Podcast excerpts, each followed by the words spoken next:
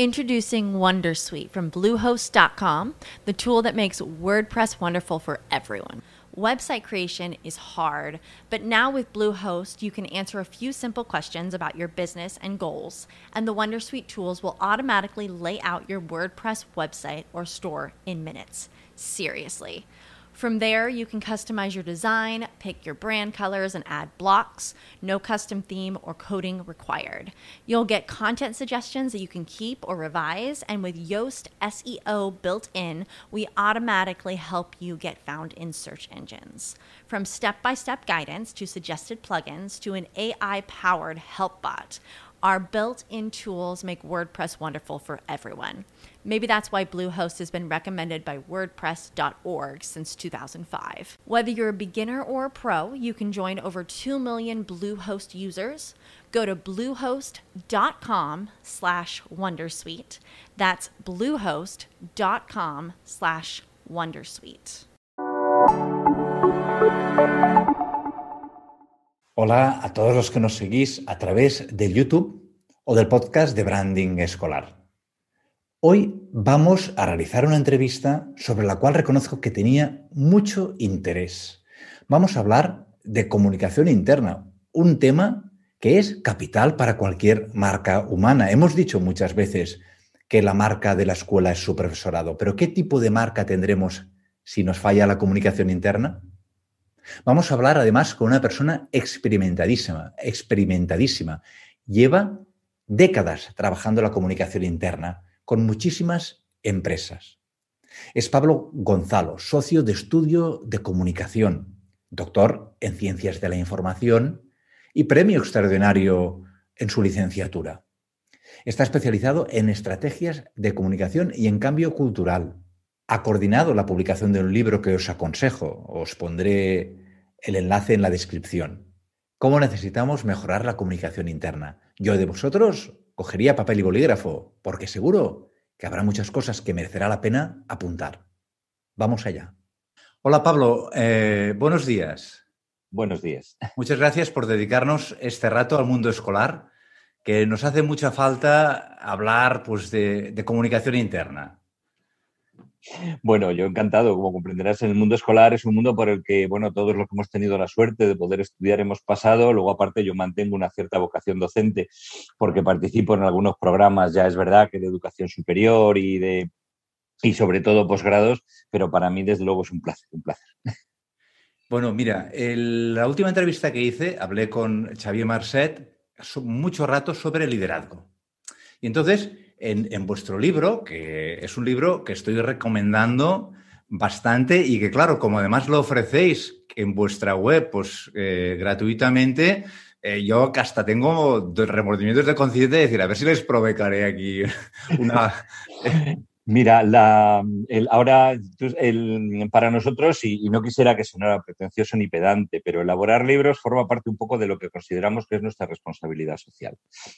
Nosotros somos una consultora y las consultoras, bueno, vivimos del conocimiento, el conocimiento que somos capaces de generar a partir de lo que aprendemos, de los retos que el mercado nos plantea, los problemas que los clientes ponen encima de la mesa. Entonces, bueno, pues sí, pues pues a veces realizamos algún tipo de acción social de una manera más o menos característica, pero creemos que lo único que tenemos que realmente puede ser diferencial o valioso es nuestro propio conocimiento. Entonces, intentamos cada año Luego lo logramos cada dos, ¿no? Pero intentamos cada año publicar, publicar un libro y el último, este que tienes, es este dedicado a los temas de la comunicación con los empleados y el alineamiento de los empleados para lograr un mejor aporte a los objetivos de la organización y ese es el libro que está ahí. Es un libro que, como tú bien dices, está, no lo vendemos, sino que lo, lo ofrecemos a todas aquellas personas que puedan tener interés. Ahí se destila la experiencia pues de los pues más de 100 eh, que componemos la organización Estudio de Comunicación en los distintos países en los que estamos. Por tanto, no, no penséis que es un libro académico lleno de citas de otros autores, etcétera. No, no, no, no, no, no. No es que no leamos. Lo que ocurre es que lo que leemos lo pasamos por nuestra práctica y esa es la práctica que hemos intentado destilar en el libro. con lo cual yo creo que es un libro práctico, directo. Hombre, seguro que hay algunos capítulos que encajan más con los intereses de unos y de otros, como creo que es inevitable. Pero en general, precisamente porque se nota mucho que hay mucha experiencia formulada en el libro, yo la recomiendo vivamente a todos los directivos y responsables de comunicación del mundo escolar, sin duda, ¿no?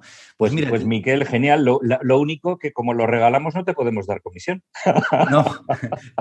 No, no, La, comisión es, es, que es el conocimiento. todos a hacer mejor el trabajo a los colegios. Claro que sí. Mira, pues justamente eh, pues eh, hay un capítulo ¿no? dedicado al liderazgo, ¿no? Y, es una obviedad quizá, pero, pero claro, afirmáis claramente, sin comunicación no hay liderazgo. Es decir, que, en fin, que un, directivo tiene que, uno que quiera ser líder, pues tiene que saber comunicar. Todos tenemos limitaciones. Yo pienso que cualquier directivo o cualquier responsable de comunicación que esté viendo ahora esta grabación pensará, bueno, es que en fin, ¿cómo, cómo puede hacer un directivo para, mejorar en la, comunicación interna? Mira, voy a empezar un poco por el principio.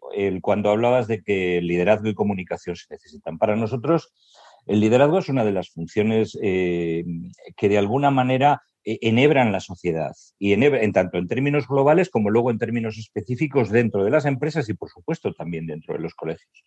Para, para mí un colegio, un centro educativo, pues es un centro que tiene una determinada misión extraordinariamente relevante, pero no quiero ahora irme por ahí. Una, y, y desde esa perspectiva eso lo logran por medio de la aportación de personas. Y esas personas se alinean con ese compromiso no solo por el compromiso individual de cada uno de ellos, sino también por el compromiso colectivo que se enhebra a partir de la observación de unas personas que generan una mayor relevancia social en relación con las otras. Eh, eso es para mí el liderazgo. Luego, además, ese liderazgo coincide con las estructuras formales del colegio. Pues es el director, el jefe de estudios, etcétera, pues magnífico. Eh, bueno, magnífico, diría muy deseable pero, pero bueno, pero en todo caso, todas esas son las referencias informales. Cuando digo que, la, que el liderazgo precisa de comunicación es porque para que los demás te reconozcan como líder, porque cuando uno es líder, no, uno, no decide serlo, son los demás los que te dan ese otorgamiento, por decirlo así.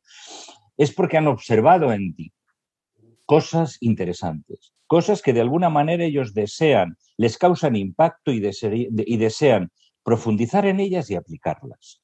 Claro, para que esa observación ocurra, el que, el, que será considerado líder necesita haberlas trasladado al equipo. Ahora bien, en la comunicación, sobre todo en los, en los lugares pequeños, la comunicación eh, adquiere, no son solo palabras, son sobre todo ejemplos, son sobre todo actos. Con lo cual, cuando hablamos de si tenemos más o menos habilidades de comunicación que nos van a permitir ser más o menos líder, bueno, eso yo creo que a nivel del, de la sociedad en su conjunto, pues no sé si hablamos de líderes políticos o de grandes líderes empresariales, pues es cierto que evidentemente unas habilidades de comunicación personales nos van a ayudar a esto porque nos vamos a tener que impactar mucho a través de palabras, a través de vídeos, a través de intervenciones de, de gran grupo. Pero si estamos hablando de un lugar pequeño, y un colegio es un lugar pequeño en el que muchas personas eh, comparten muchas horas alrededor de unos mismos retos. Yo creo que ahí el reto no es tanto cómo me comunico yo, sino también qué ejemplo estoy dando. Eh, porque eh, el, y, ejemplo damos todos, ¿eh? Y aquí ya sí que no me vale si tengo más o menos habilidades para comunicar, no, perdona, aquí es si tú tienes, no, para dar ejemplo todos tenemos habilidad. Y por tanto, ya te digo que yo creo que las habilidades de comunicación se pueden aprender, hay que reflexionar sobre ellas, madurar sobre ellas para poderlas llevar adelante y por tanto se pueden aprender. Pero no me gustaría que consideráramos que la aportación de la comunicación al liderazgo es simplemente como un envoltorio bello que realizamos. Eh, estoy un poco cansado de asesores, pese a ser yo consultor. De, creo que la política española está tremendamente condicionada con asesores, que hemos olvidado los compromisos de para qué y simplemente lo que estamos buscando son los cómo más atractivos. ¿no?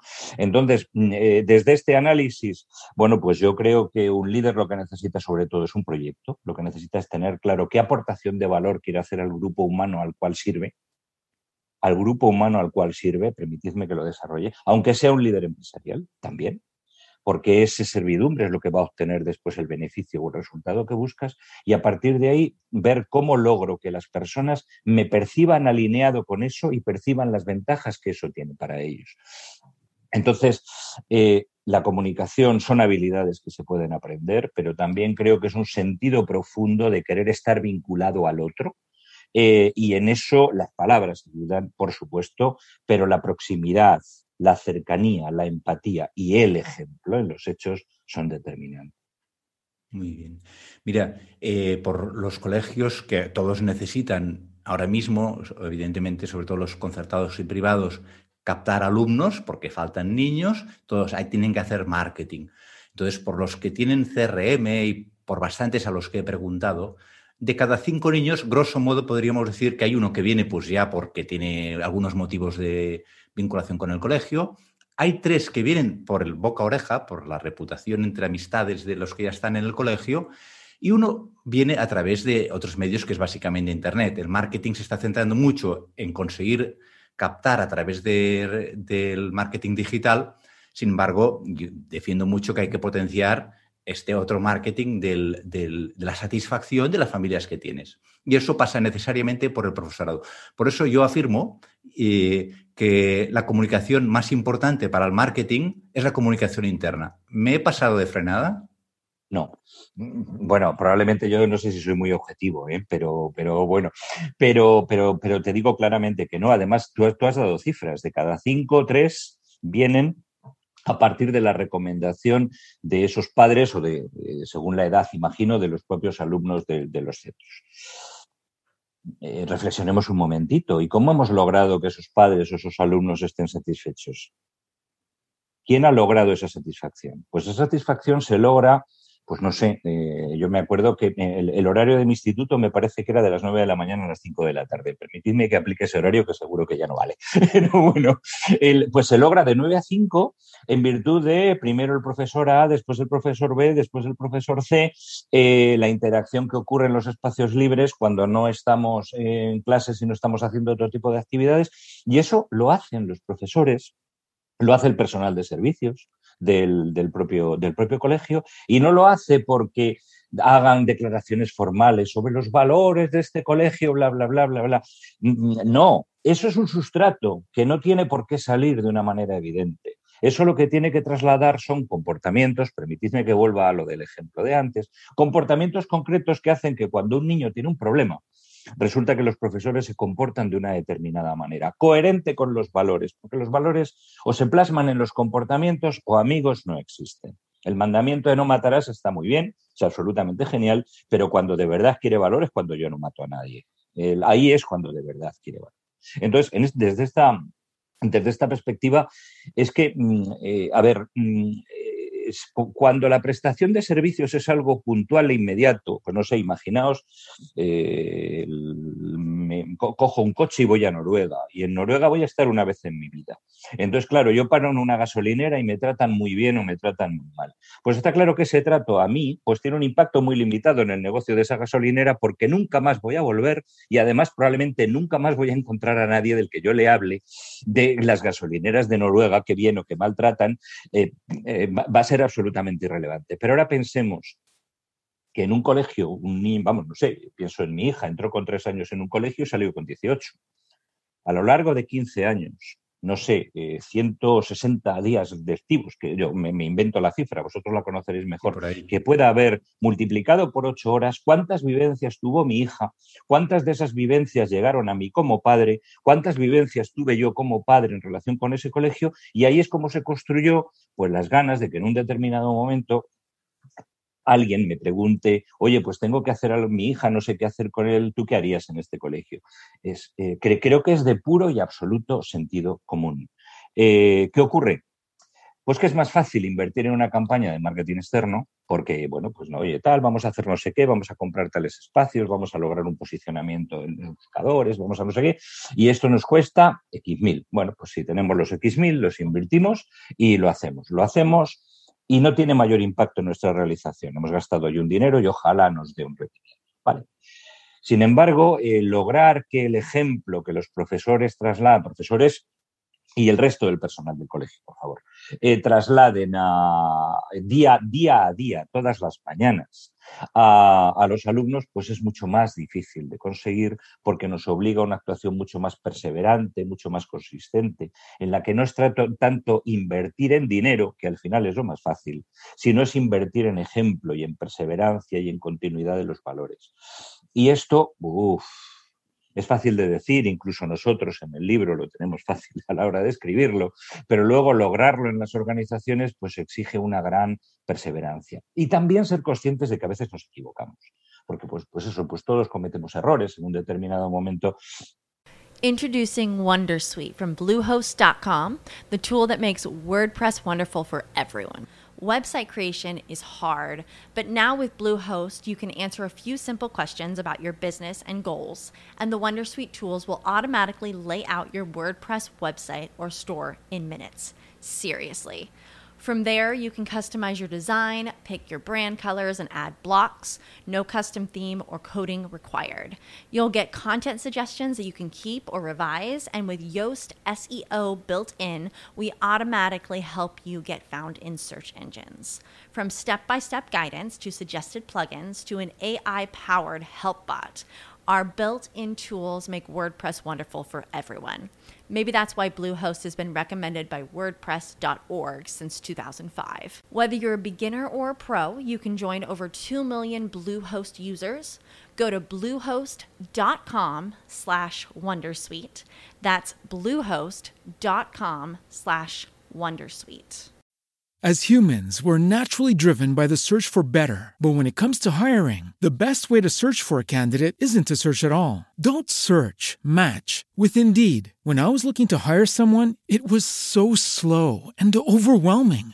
I wish I had used Indeed. If you need to hire, you need Indeed. Indeed is your matching and hiring platform with over 350 million global monthly visitors, according to Indeed data, and a matching engine that helps you find quality candidates fast. Ditch the busy work. Use Indeed for scheduling, screening, and messaging so you can connect with candidates faster. And Indeed doesn't just help you hire faster. 93% of employers agree Indeed delivers the highest quality matches compared to other job sites, according to a recent Indeed survey. And listeners of this show will get a $75 sponsored job credit to get your jobs more visibility at Indeed.com slash podcast. That's Indeed.com slash podcast. Terms and conditions apply. Pues seguro que hemos reaccionado mal ante una determinada situación, en fin, hemos generado un mal ejemplo. Bueno, la conciencia del mal ejemplo puede resolverse con facilidad, simplemente lo que se trata es de intentar aclarar la situación o demostrar después perseverantemente con otros ejemplos que aquello fue pues un mal día. Entonces, eh, no sé, para, mí, para mí es evidente. E, es evidente la trascendencia, creo que es de sentido común y fácil que todo el mundo lo entienda. Y nuestra gran dificultad, y de ahí nace también el libro, es intentar desarrollar estrategias que lo hagan posible, porque eh, la sensación muchas veces cuando hablas con los directivos es que te reconocen esto, pero una vez reconocido sienten como una cierta impotencia a la hora de desarrollar actuaciones concretas pues porque si tengo a gente contratada no sé qué, que quisieran ganar más dinero, pero yo no puedo darlo, no sé qué. Entonces intervienen un montón de factores de tipo higiénico, fundamentales, eh, por supuesto, pero que también en los que a lo mejor el colegio siente unas limitadas capacidades de, unas limitadas capacidades de actuación y que afectan a, esto que estamos hablando. Claro. Entonces, nos has convencido. Entonces, eh, ahora eh, un director de un colegio dirá, vale, pues ahora ¿Qué, medios tengo que haber? Pues que tengo que poner unos canales, bueno, pues que tengo que poner un tablón de anuncios. Entonces, la pregunta es, eh, ¿qué canales hay que poner? O quizá los canales no son tan importantes. Pues quizá los canales no son tan importantes. Me explico. Eh, si estuviéramos hablando, eh, a ver, dependiendo del tamaño de la organización, evidentemente. 40 personas, 50, un colegio pequeño vamos a poner, va. Evidentemente, ahí, el, perdona que vuelva a, mi, a, mi, a mis palabras anteriores, el, ese, director lo primero que tiene que entender cuando dice, ¿qué canales pongo? Dice, no, perdona, el canal eres tú. O sea, el canal fundamental más valioso y más importante eres tú. ¿Y por qué? Pues porque tú eres el colegio andando. Eh, o sea, tú no eres eh, un señor que pasa por allí, tú eres los valores del colegio, están representados en ti. Hay, un dicho por ahí que la verdad es que me, lo comentaba ayer con un colega porque discutíamos sobre el autor de la cita y como no sé quién es el autor, disculpadme, os doy la cita y el autor pues se lo ponéis vosotros. El que dice, eh, tus hechos hablan tan alto que me impiden escuchar tus palabras.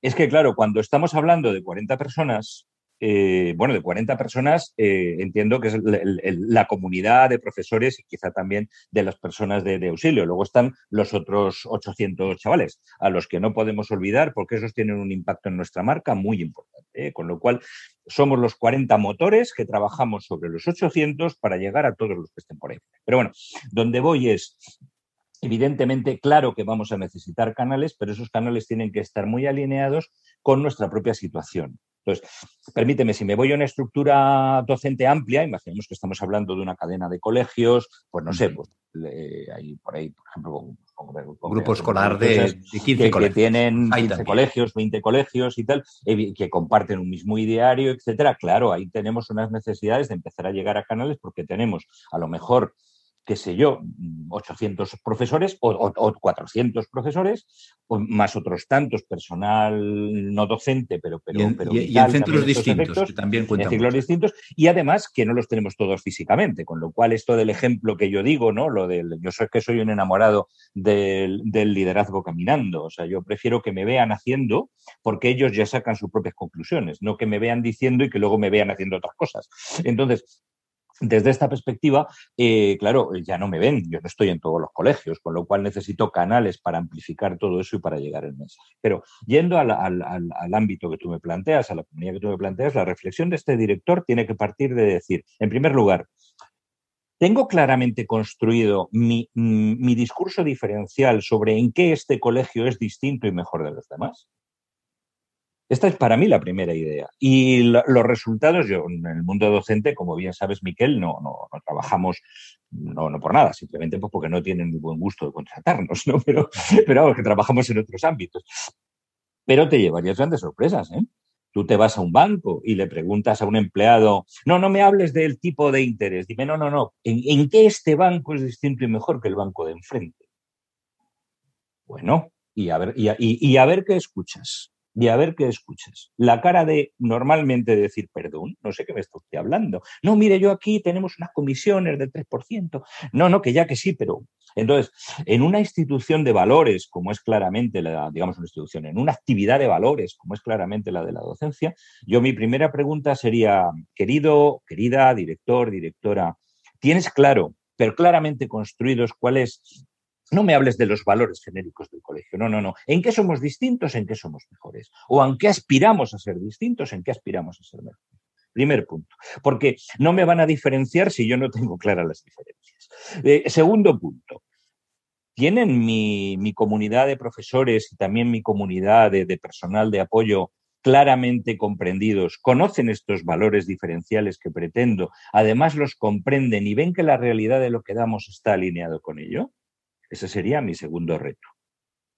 Y una vez que lo tenemos, y, para eso son retos en los que escuchar es fundamental, porque no, hasta ahora, digamos, estoy en un planteamiento muy unidireccional pues porque yo me siento en la responsabilidad de dirigir esta obra llamada colegio y por tanto me siento en la necesidad de liderarla y de empujarla, pero el liderazgo se escucha, ¿eh? porque si no somos ineficaces. Pero bueno, de eso eh, espero que me preguntes y si no, aprovecharé otra oportunidad para que me cuelo en cualquier pregunta para destacarlo, ¿no?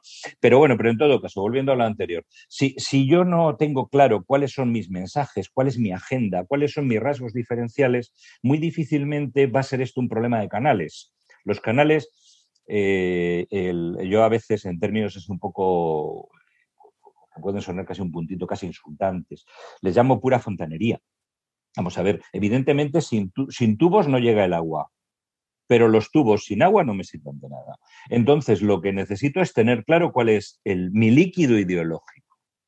Para, ideológico en el más puro de los sentidos, en el que os hablaba antes de las ideas que me hacen distinto, las ideas que me hacen. El, propósito. Exacto. Y a partir de ahí ver cómo logro que ese propósito contamine a lo que son mis colaboradores imprescindibles para ello, profesores y, personal de apoyo. Y a partir de ahí viene el círculo siguiente. ¿Y esto cómo contamina a los alumnos? ¿Cómo lo estamos haciendo de verdad? Eh, ¿Realmente estamos logrando el impacto? ¿Los, alumnos están percibiendo estos valores? Y si, y si les preguntaran a alguien eh, a un padre, a quien fuere, le preguntaran, oye, eh, eh, este colegio, ¿por qué mola? ¿Por qué es distinto? ¿Por qué es mejor? Lo que ese padre o ese alumno o ese profesor dirían, ¿se parecería a lo que el director quiere escuchar? Ese es tu reto, ese es tu reto. Ahora, ¿para ello necesitas un tablón de anuncios? Pues a lo mejor. Ahora te diré, con un tablón de anuncios solo no vas a lograr nada. Lo que necesitas sobre todo, y vuelvo, perdóname que vuelvo a mi planteamiento anterior, porque es que al final un colegio es una unidad de producción pequeña, es una unidad de producción donde hay una estructura directiva y luego un grupo de operaciones relativamente pequeño y que conviven, la sala de profesores, Dios. Eso es un lugar vital en términos de, como me dices, el canal, el canal no, el canal ya está, es esa mesa que llamamos sala de profesores. Ahí es donde tiene que estar eh, esto de lo que estamos hablando. Y luego, oye, pues si somos un grupo muy grande, pues igual tenemos que tener una intranet para entrar en contacto eh, entre todos los profesores, igual pues eso, tener una intranet social en el que, en el que por ejemplo, pues todos los profesores de, de yo qué sé, de sociales, pues puedan intercambiar de, nuestros 10 colegios, pues puedan intercambiar actividades, puedan intercambiar ejercicios, puedan decirse, oye, que para explicar no sé qué tema encontré en YouTube, no sé qué vídeo, que aparte de muy divertido, pues es muy tal y lo puedan compartir entre ellos. Entonces, crear canales transversales en los que, hablando de la operación, para mí la operación en el colegio son las materias, igual que si fuera en una fábrica serían los tornillos que hacen. Hablando de ese vídeo que nos ayuda a explicar el tema de la genética del Mendelssohn, yo qué sé, pues entonces a partir de ahí eh, lo que estamos haciendo son lazos en los que nos estamos demostrando que nuestra preocupación por la calidad de la formación es alta, que como colegio montamos estas plataformas para que trabajéis juntos en dar esa calidad diferencial que decimos en los valores y entonces a todo eso es a lo que hay que llamar ejemplo. Entonces, mm, hay que hablar de los valores, hay que utilizar los canales para ello, pero sobre todo lo que hay que tener es una conversación interna en la que los valores se estén practicando de manera natural. Muy bien. A mí no me hables de la calidad. A mí demuéstrame que cuando tenemos un padre o una familia enfadada porque ha habido un problema con un hijo y además lo hemos hecho mal, pues entonces allí se vuelven absolutamente todos locos para resolver ese problema. Entonces estaremos, ya, no tendremos necesidad de calidad porque toda la estructura habrá entendido que la calidad es fundamental si resulta que tenemos unos padres enfadados porque ha habido unos profesores que lo han hecho mal, lo que fuere, y no intervenimos como dirección, mm, después vamos a hablar nosotros de calidad. No sé si me... Espero. Muy bien. Bueno, entonces, un, colegio ha preparado un plan de comunicación, eh, plan estratégico, y entonces ha definido cinco objetivos. No hace falta decir que como no lo conocemos, no sabemos si los cinco objetivos son los que les toca o no. Pero yo los digo, a ver cómo los ves y si dirías, hombre, este me sobra o este es el más importante de todos. Mejorar el clima interno y la comunicación informal. Segundo, aumentar la transparencia. Tercero, mejorar la participación de la gente en las decisiones. Cuarto, facilitar la identificación con la misión de la escuela.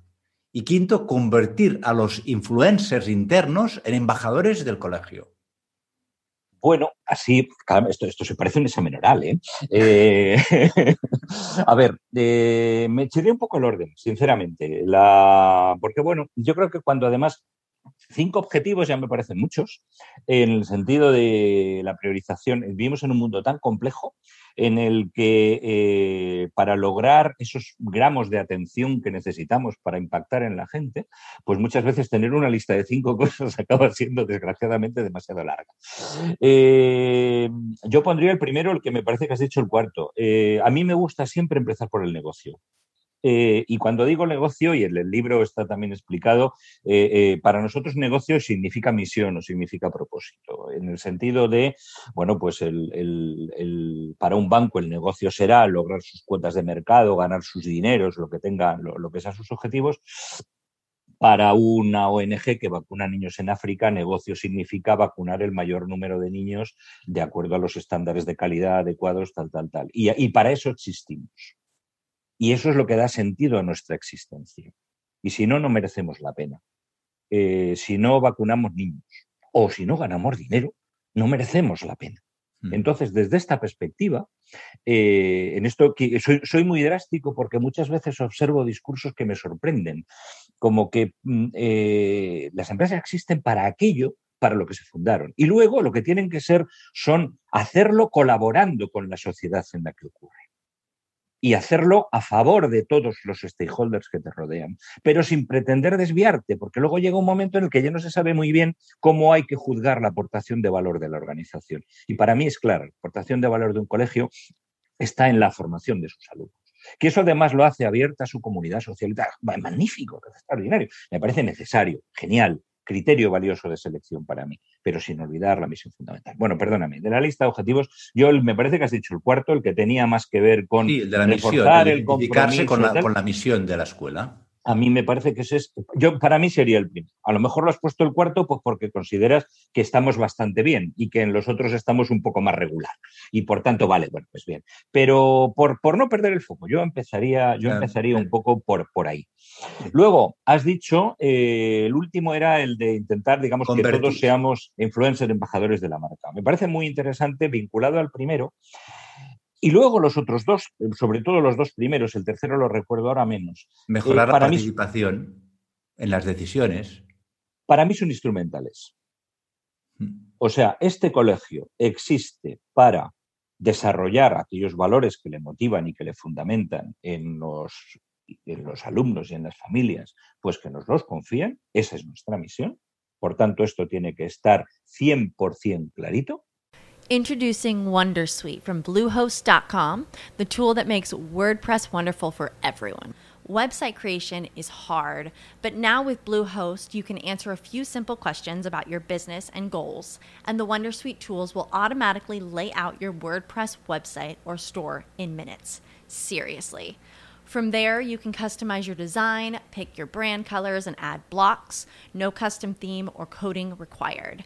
You'll get content suggestions that you can keep or revise, and with Yoast SEO built in, we automatically help you get found in search engines. From step by step guidance to suggested plugins to an AI powered help bot, our built in tools make WordPress wonderful for everyone. Maybe that's why Bluehost has been recommended by WordPress.org since 2005. Whether you're a beginner or a pro, you can join over 2 million Bluehost users. Go to bluehost.com slash wondersuite. That's bluehost.com slash wondersuite. As humans, we're naturally driven by the search for better. But when it comes to hiring, the best way to search for a candidate isn't to search at all. Don't search, match with Indeed. When I was looking to hire someone, it was so slow and overwhelming. I wish I had used Indeed. If you need to hire, you need Indeed. Indeed is your matching and hiring platform with over 350 million global monthly visitors, according to Indeed data, and a matching engine that helps you find quality candidates fast. Ditch the busy work. Use Indeed for scheduling, screening, and messaging so you can connect with candidates faster. And Indeed doesn't just help you hire faster. 93% of employers agree Indeed delivers the highest quality matches compared to other job sites, according to a recent Indeed survey. And listeners of this show will get a $75 sponsored job credit to get your jobs more visibility at Indeed.com slash podcast. That's Indeed.com slash podcast. Terms and conditions apply. Otra cosa, insisto, es que en el plan del año 2021, como lo tenemos muy bien hecho y muy sólido, pues no lo tengamos que, poner muy alto, perfecto. Segundo lugar, yo pondría el quinto, es decir, para ello necesitamos una comunidad altamente comprometida y que sea consciente y que sea consciente de que necesitamos atraer alumnos. La, Hablábamos, hablábamos has puesto, hemos hablado antes del tema de, esos tres alumnos nuevos que vienen en virtud de lo que han observado, tal. Mm, yo lo que estoy observando, no puedo hablar de la comunidad educativa porque, como te digo, no tengo conocimiento, pero sí en otros sectores, desgraciadamente no hemos desarrollado en nuestros profesionales la idea de tú eres un constructor de negocio, y perdóname de nuevo mi palabra, para esta compañía y te necesitamos. O sea, no necesitamos solo que des bien tu clase de matemáticas, que por supuesto, por favor, por supuesto. Lo que necesitamos además es que esa clase de matemáticas sea lo suficientemente atractiva como que el chaval diga, wow, me voy a la clase de matemáticas. Y además que eso genere un impacto en los profesores, digo, perdón, en los padres que colaboren a atraer nuevos alumnos. Entonces, yo creo que quizá por pudor hemos hablado con poca claridad de que, señores, si la natalidad baja, si las cifras de los, de, los niños son estos, si los posicionamientos de la escuela pública son estos, etcétera, y por tanto el entorno competitivo en el que se desarrolla nuestra actividad, impacta en que o somos como diríamos en el ámbito empresarial, o le quitamos cuota a los demás o desde luego nosotros no crecemos y nos van a quitar la cuota a nosotros. Yo me pregunto hasta qué punto los profesores son conscientes de esta situación. Eh, de verdad, porque seguramente sí, que en teoría lo dicen, no, no, no, vale, pero es que todo esto es un problema para ti. ¿eh? No, no es solo un problema para la institución, no, no, es que a lo mejor el año que viene necesitaremos solo cuatro profesores de matemáticas, sino cinco. Y esto es muy desagradable para todos pero lo tenemos que entender. Eh, por tanto, mm, creo que necesitamos hablar claro y por tanto yo ese quinto objetivo le pondría el segundo para dejar claro que cuando hablamos esto de influencers no es porque la propiedad del colegio quiera ganar más dinero solo. Es porque necesitamos incrementar nuestra aportación de valor social y si nosotros queremos impactar más en la sociedad de acuerdo a nuestros valores, amigo, necesitamos llegar al mayor número de gente posible. O sea, ser buenísimos, buenísimos, pero impactando en cuatro, me temo que no tiene el mismo valor que ser buenísimos también, porque no tenemos por qué renunciar, pero intentando impactar en cuatro mil. Y para eso necesitamos captar. Y para captar eh, hay que actuar como esos influencers. Por tanto, para mí ese sería un, digamos, lo reordenaría para, el segundo, para el segundo lugar. Y luego los otros, dentro de ellos, mm, veo también como una cierta secuencia. Eh, participar supone compartir poder. Por tanto, cuidado, cuando hablamos de participar, tenemos que ser muy conscientes del impacto que eso tiene sobre nuestros propios estilos de dirección. Te digo porque para mí es muy frecuente encontrarme con clientes que les enamora esto de no, yo necesito que los empleados participen y tal, y que se impliquen y que hagan y que tal.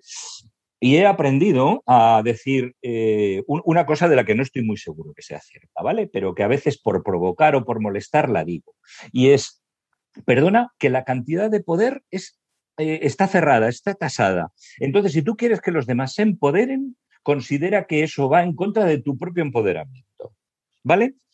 insisto que no lo tengo nada claro que esto sea cierto, ¿eh? porque creo que el empoderamiento crece y por tanto es exponencial. Y por, pero, no sé si me estáis entendiendo. O sea, que cuando hablamos de que yo quiero que un profesor participe en la construcción del programa de estudios, por decir algo, esto es, esto es genial. Lo que pasa que sabe el jefe de estudios que eso lo que va a suponer es que va a dejar de ser él el que construye el programa. No vaya a ser que empecemos a decir cosas muy bonitas que es lo que a veces nos ocurre a los de comunicación, y no nos demos cuenta que igual que hemos dicho antes que comunicación es liderazgo, también la comunicación impacta en el poder. Y el poder es una palabra muy desagradable, de la que se habla poco, pero que es tremendamente real. Y es aquí quien decide las cosas y cómo. Con lo cual, ese, objetivo que hablabas de participación a mí me parece valiosísimo, interesantísimo, una palanca fundamental para poder desarrollar la del influencer, porque claro, yo si me siento copartícipe de todo lo que estamos haciendo, voy a tener más ganas de defenderlo fuera. Si me siento como que yo hago el programa que tú me impones, bueno, pues ojalá me guste, porque como no me guste, igual tengo menos ganas de defenderlo fuera. Eh, por tanto, atención a este tema, como te digo, porque al final eh, empoderar supone que el reparto actual de poder pasa a ser cuestionado. Y entonces cuando desde arriba se habla de empoderar a los profesionales para que participen, autonomía y tal, yo digo, no, no, no, esto es magnífico porque colabora la responsabilización, pero atención al impacto que tiene sobre ti mismo. ¿Lo has pensado? Y si lo has pensado, genial, adelante, porque eso colaborará a mejorar. Y luego, por tanto, los temas de clima lo que tenemos que ver es realmente qué está pasando ahí, porque muchas veces lo que nos podemos encontrar es que analizando a fondo esas situaciones de clima, pues nos podemos encontrar, pues a veces son grupos muy pequeños, son grupos en los que problemas interpersonales se cocinan entre sí y, generan ahí situaciones complejas en las que a veces hay que intentar también separar, alejar, incorporar sangre nueva. Bueno, mm, o sea, a mí esos cinco objetivos te los compro todos. Ya te digo que en una situación estándar los ordenaría de otra manera, pero, pero bueno, sí, me parece muy bien. Genial, genial. Ahora, otra, otra cosa, perdóname, para terminar el, eh, sobre este tema. Eh, y por también delimitar un poco, porque eh, a, veces creo que creemos que todos los problemas del mundo se arreglan con comunicación. Cuidado. A lo mejor nuestro problema de clima viene derivado de que tenemos unas políticas de contrataciones pues que francamente impiden a las personas desarrollar una vida, su vida personal generándole unos ingresos razonables. Todo este tipo de cuestiones, claro, que impactan en el clima interno de las organizaciones. Eso no se arregla con comunicación. Yo puedo hacerte sentir muy partícipe de todo lo que quieras o intentarlo, pero tus ganas de escucharme, tus ganas de implicarte van a estar también muy dependientes de cómo te sientas de lealmente tratado por la organización. Y si tú ves que la organización no se preocupa por tus problemas, y si tú ves que la organización simplemente te ve como un coste que, intenta minimizar al máximo, sobre todo yo algunas de las políticas de contratación, eh, por no hablar de vuestro sector, que realmente no lo conozco, pero en el sanitario, nos hemos encontrado ahora, vivimos una situación extraordinariamente crítica, como que, no podéis olvidar. Eh, claro, ¿cómo hemos tratado con las políticas laborales a nuestros, a nuestros sanitarios? Y ahora eso sí, les, les aplaudimos y tal, y con contratos, con contratos de 24 horas, 24 horas, ¿eh? Te contrato hoy para que trabajes 24 horas y después eh, ya no te contrato, a lo mejor la semana que viene. Claro, todo esto, mi amigo, esto no es comunicación, pero nos deteriora la conversación interna de una manera extraordinaria. Muy bien, muchas gracias. Vamos a ver, mira, ahora eh, para terminar te leeré 10 frases. Entonces se trata de hacer un comentario muy breve. Uy, muy breve. Tú ya me has visto, yo no sé, yo no sé. Eh, bueno, pues sí, la verdad es que nos enriquece mucho lo que vas diciendo, con lo cual, pues vamos a intentarlo. Vamos a ver. Son 10 frases, 10 frases nueve de directivos y una de un responsable de comunicación de colegios se parecen un poco a frases que yo he oído. ¿eh? En la primera uno dice, en este colegio llevamos bien la comunicación interna. Una vez a la semana reunimos a todo el mundo, les informamos de las novedades, incluso si quieren pueden hacer las preguntas que quieran. Bueno, el, eh, me gustaría escuchar a los que asisten a la reunión para validar esto, porque la, comunicación muestra su eficacia en el otro. O sea, de la misma manera que este, esta conversación, Miquel, que estamos, para mí está siendo muy agradable, pues para mí es muy agradable, pero que habría que ver el impacto que está teniendo en nosotros, ¿no? En los que, en los que ojalá nos escuchen y nos vean. Me gustaría saber lo que opinan los demás. La eficacia de la comunicación nunca está en el que emite, está siempre en el que recibe y por tanto me gustaría escuchar a los demás para ver si es cierto. Me gusta una cosa, me gusta que lo hagan todas las semanas, porque lo que he observado es que la periodicidad en la comunicación ayuda a la eficacia. Lo que no sirve es esa frase horrible, espero que no sea otra de la que tengas preparada, que es aquí hacemos reuniones para informar cuando tenemos algo que contar. Eso sí que es profundamente manipulador, porque ¿quién defiende que hay algo que, quién decide que hay algo que contar? Ay, caramba, yo. Eh, y entonces observamos lo del poder otra vez. Muy bien. La siguiente dice, es que aquí el problema es que la gente no apoya la dirección. Parece como si los anuncios, perdón, parece como si los asuntos del colegio no fueran con ellos. Y yo le diría, ¿y? ¿Y qué estás haciendo para ello? trasládalo al marketing. Eh, imagínate un director de marketing que dijera, aquí el problema es que los clientes no nos compran. ¿Qué harías con ese director de marketing? Pues yo le despedía. Y si puedo, sin indemnización. claramente, sin discusión. Pues aquí estamos exactamente en lo mismo. No, perdona, tú diriges este negocio. Y en tanto que diriges este negocio, si tú observas eso, lo que tienes es un grave problema de dirección. Esa situación te señala a ti en primera persona porque tú eres quien no está haciendo bien su trabajo. Luego, indudablemente, te encontrarás con comunidades muy difíciles, con situaciones muy complicadas. Vale, claro, por supuesto, si la vida no es necesariamente fácil. La pregunta es, vale, ya has constatado la, bueno, la fragilidad, diría el desastre de la situación que tienes, a partir de ahí, ¿qué estás haciendo para mejorarla, querido director? Porque desde luego, si no, yo también te despido y sin indemnización. Otro. Mira, les habíamos informado perfectamente de estos cambios que queríamos realizar y cómo queríamos conseguirlos y la verdad parecía que todos estaban de acuerdo, los aceptaban, pero no se ha notado nada. Claro, eh, es que es confundir, creer que la información lo es todo cuando nuestro objetivo no es la comunicación, no es la información, sino la influencia.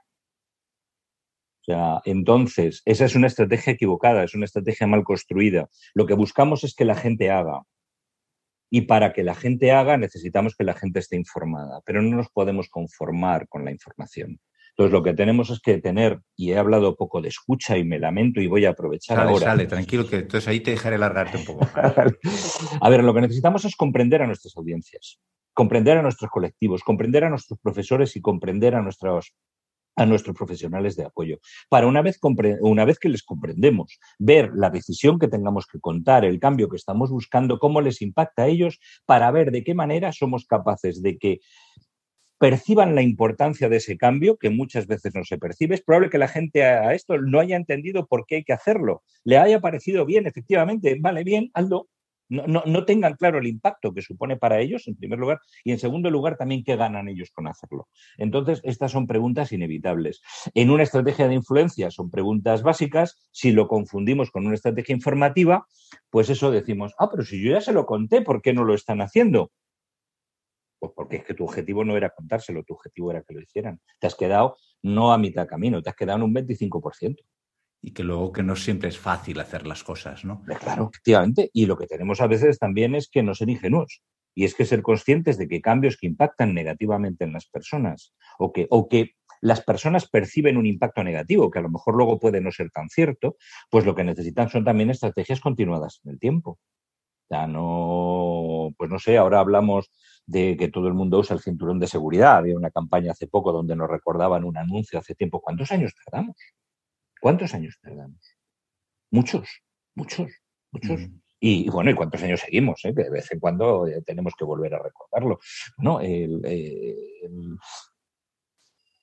cuando tú impones una orden, logras resultados inmediatos. Lo que pasa es que eso exige que inmediatamente pongas un policía al lado de cada subordinado para asegurarte de que lo está cumpliendo, porque has hecho un mero condicionamiento externo del comportamiento. Si tú lo que crees es actuar en la convicción, para que no necesites ese condicionamiento externo y ese nuevo comportamiento nazca de las personas, amigo, necesitas desarrollar una estrategia de influencia y es una estrategia que parte de escuchar a las personas y comprenderles para intentar trabajar sobre sus supuestos de una manera ordenada, digamos, secuencial en el tiempo y poco a poco ir logrando resultados. Si alguien tiene una solución más rápida, eh, por favor que la comparta. Yo me leo su libro. Muy bien. Siguiente. Mira, cada uno lo que le toca. ¿Para qué un profesor necesita saber, o una profesora, necesita saber lo que ocurre fuera de su aula? Con que lo haga bien allí ya está. Por ejemplo, altas, bajas, planes de futuro del colegio, todo esto, mientras no le afecte, ¿para qué se lo vamos a contar? Ya, lo que ocurre es que, ah, mira, a mí me gusta distinguir toda acción, tiene un qué hay que hacer, tiene un cómo hay que hacerlo y tiene un por qué hay que hacerlo. Entonces, ¿qué ocurre? Evidentemente, un profesor se supone que sabe qué es lo que tiene que hacer en el aula y sabe cómo tiene que hacerlo. Si no desarrollamos nosotros el por qué tiene que hacerlo, lo que va a ocurrir es que muy progresivamente esa persona se va a sentir cada vez más sola y por tanto se va a sentir cada vez más lejana o alejada de nuestra situación. Y entonces empezará a hacer un qué pues como muy técnico, pero probablemente poco alineado con los valores de ese colegio. Entonces va a dar matemáticas aquí de la misma manera que las daría en el colegio de allá y de allá, o de allá, o de allá, o de allá. Y entonces, claro, cuando después luego me habláis de influencers y me habláis de no sé qué, pues realmente, francamente, ya no sé de lo que estamos hablando. Entonces, bueno, me parece que dirigir por tarea es un recurso como muy, como muy, muy, muy atractivo, pero que desde luego no genera los resultados que estamos buscando en esta conversación. O sea, dirigir por tarea, para eso están los siglos pasados. No, no es lo que estamos buscando ahora que, no es que seamos más modernos, es simplemente que la tensión competitiva es muchísimo más fuerte y por tanto necesitamos buscar nuevas claves de diferenciación y el comportamiento de nuestros profesionales es una de esas claves de diferenciación que estamos buscando. Voy a la pregunta. Ya me gustaría entretenerme a escuchar al profesorado, pero no tengo tiempo. Mi día está lleno de gestiones, soy la directora. Eh, ahí el problema está en entretenerme. Eh, o sea, es, esa es la creencia con la que, contra la que tenemos que luchar. Si estamos, por tanto, ante una directora que trabaja, es una directora jefa, no líder. Es una directora que trabaja, seguro, una barbaridad, que hará, un, hará, hará, hará, hará un montón de cosas. Atención al verbo hacer porque el verbo hacer, no, casi nunca decimos el líder hace, no, no, no, perdón, el líder inspira. Entonces, bueno, pues yo ya lamento que tenga mucho trabajo, estoy seguro que una parte de esas tareas seguro que las podría delegar empoderando, que volveríamos a una de las conversaciones anteriores a otros. Lo que ocurre es que evidentemente el empoderado igual lo hace de una manera distinta como lo hace nuestra directora y a lo mejor eso le genera a ella alguna incomodidad, que se lo haga mirar, eh, pero en todo caso ahí está. Seguro que hay tareas, tareas que puede delegar, seguro que hay tareas que puede abandonar, esto es curiosísimo. Hay cosas que se pueden dejar de hacer y no pasa nada, esto es sorprendente. Hay que saberlas identificar, pero hay que probar también. Te voy a dejar de hacer esto a ver qué pasa. Oye, igual descubres que no pasa nada y desde luego lo que no puedo aceptar es no puedo entretenerme en escuchar. Eh, eso es lo que no lo puedo aceptar, porque para mí sí que es una de las misiones, una de las responsabilidades fundamentales de la dirección de un centro educativo. El profesorado es importante para la comunicación del colegio. Vamos a elegir a nuestros embajadores y les vamos a enseñar eh, para que digan bien lo que tienen que decir. Ya. Eh, el problema es que luego, cuando llega el momento de decirlo, tú no estás presente. O sea, en esa frase falta el verbo querer. Eh, ahí me explico. Claro, a mí me enseñan un rollo, yo voy y lo cuento. Vale, de acuerdo. Pero el asunto es que como cuando a mí me van a preguntar, o sea, sea, dentro de la clase en la que estoy solo, o sea fuera, cuando alguien me pregunte por ahí, oye, ¿de ese colegio donde trabajas? ¿Qué tal? ¿Cómo son las cosas? ¿Me animas a llevar a mi hijo? Etcétera, etcétera, etcétera. En ese momento, en esa conversación, la directora del colegio no está.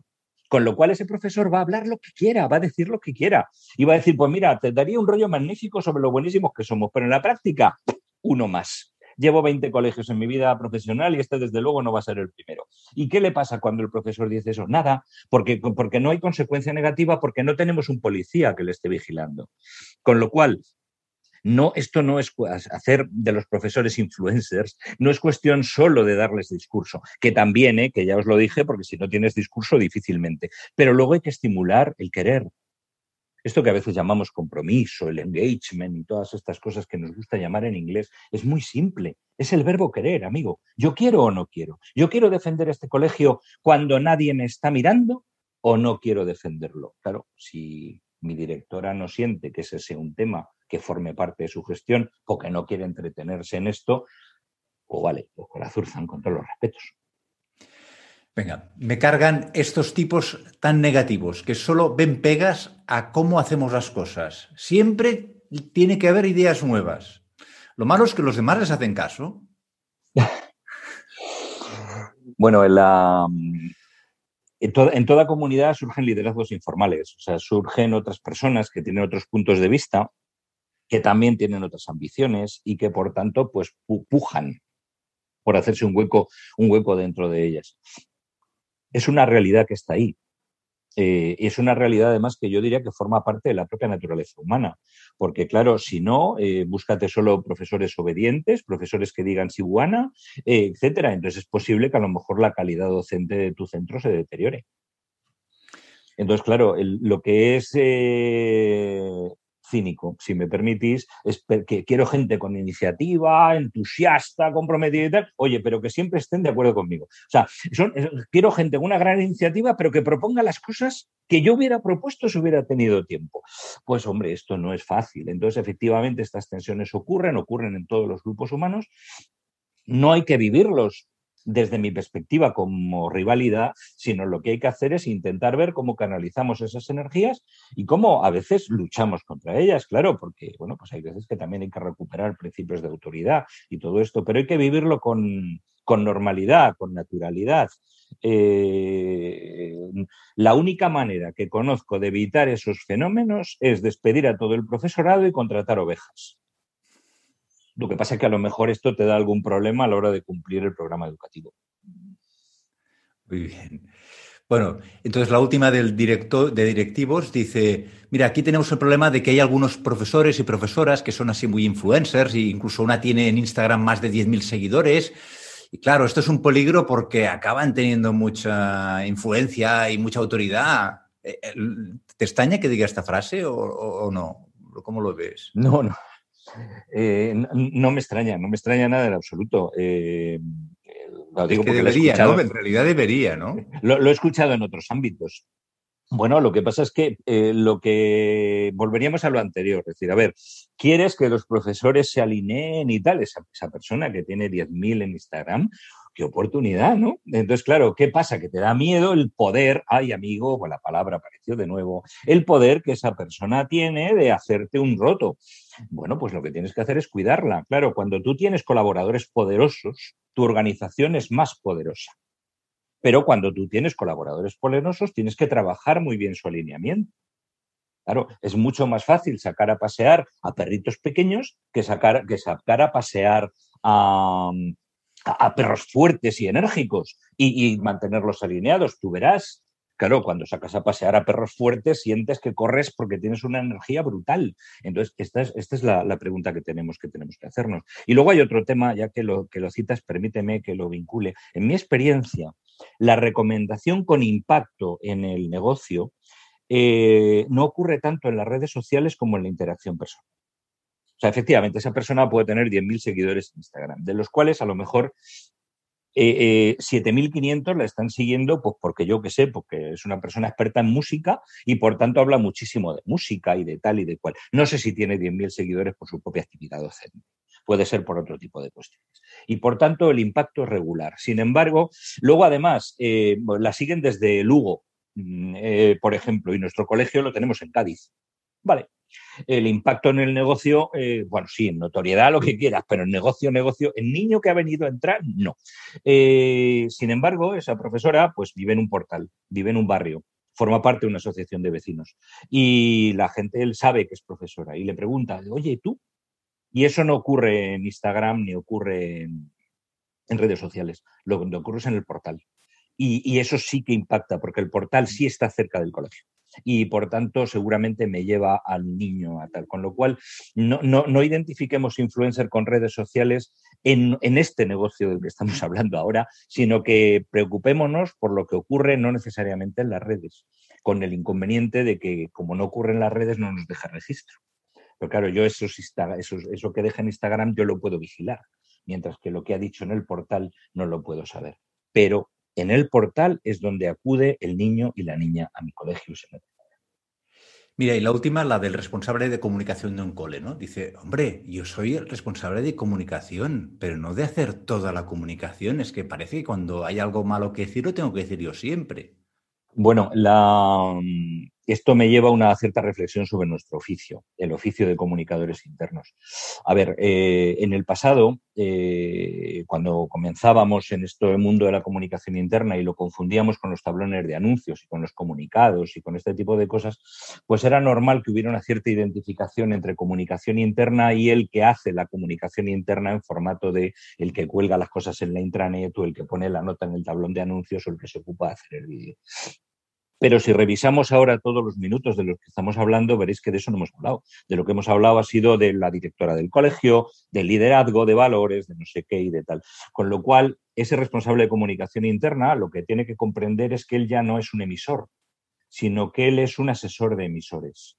O sea, él ya no trabaja para Claro que habrá que contar cosas y habrá que hacer. Y la nota habrá que seguirla escribiendo, por supuesto que sí. Pero la aportación de valor fundamental no ocurre por ahí, sino que ocurre en otro ámbito. Ocurre en el asesoramiento a esa directora que no se quería entretener, el asesoramiento a esos jefes de estudio, el asesoramiento a esos líderes técnicos de cada una de las asignaturas, el asesoramiento para ver cómo reforzamos la transversalidad entre unas asignaturas y otras. Me meto en jardines de los que no conozco y os pido disculpas por tanto, pero quiero que veáis ahí que eh, si hemos dicho que la comunicación realmente eficaz para la sostenibilidad de la actividad de este colegio es porque estamos atrayendo gente, porque somos una comunidad hiperpotente, hiperatractiva, para eso trabaja el de comunicación interna. Entonces, en, eh, a esta persona lo que hay que decirle es que cuidado que el oficio ha cambiado, ¿eh?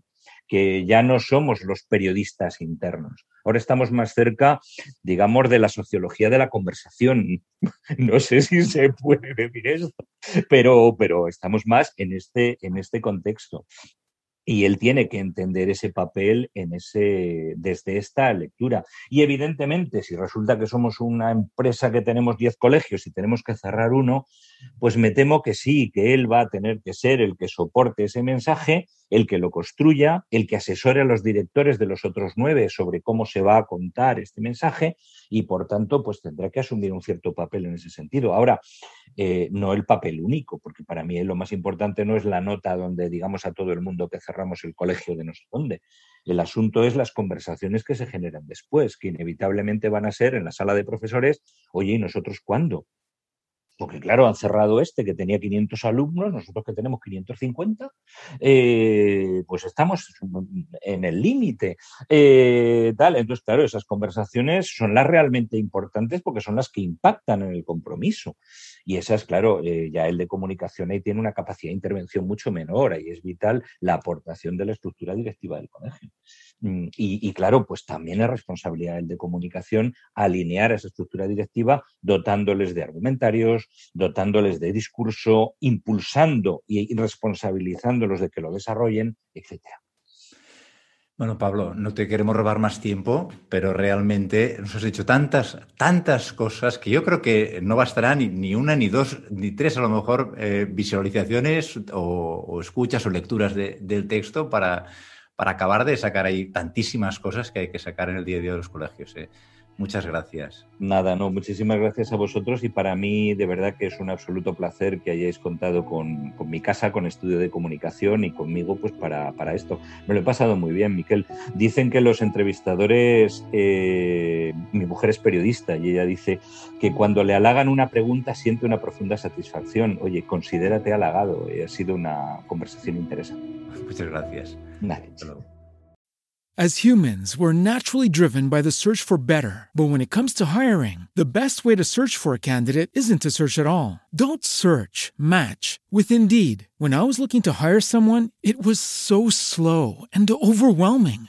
I wish I had used Indeed. If you need to hire, you need Indeed. Indeed is your matching and hiring platform with over 350 million global monthly visitors, according to Indeed data, and a matching engine that helps you find quality candidates fast. Ditch the busy work. Use Indeed for scheduling, screening, and messaging so you can connect with candidates faster. And Indeed doesn't just help you hire faster. 93% of employers agree Indeed delivers the highest quality matches compared to other job sites, according to a recent Indeed survey. And listeners of this show will get a $75 sponsored job credit to get your jobs more visibility at Indeed.com slash podcast. That's Indeed.com slash podcast. Terms and conditions apply.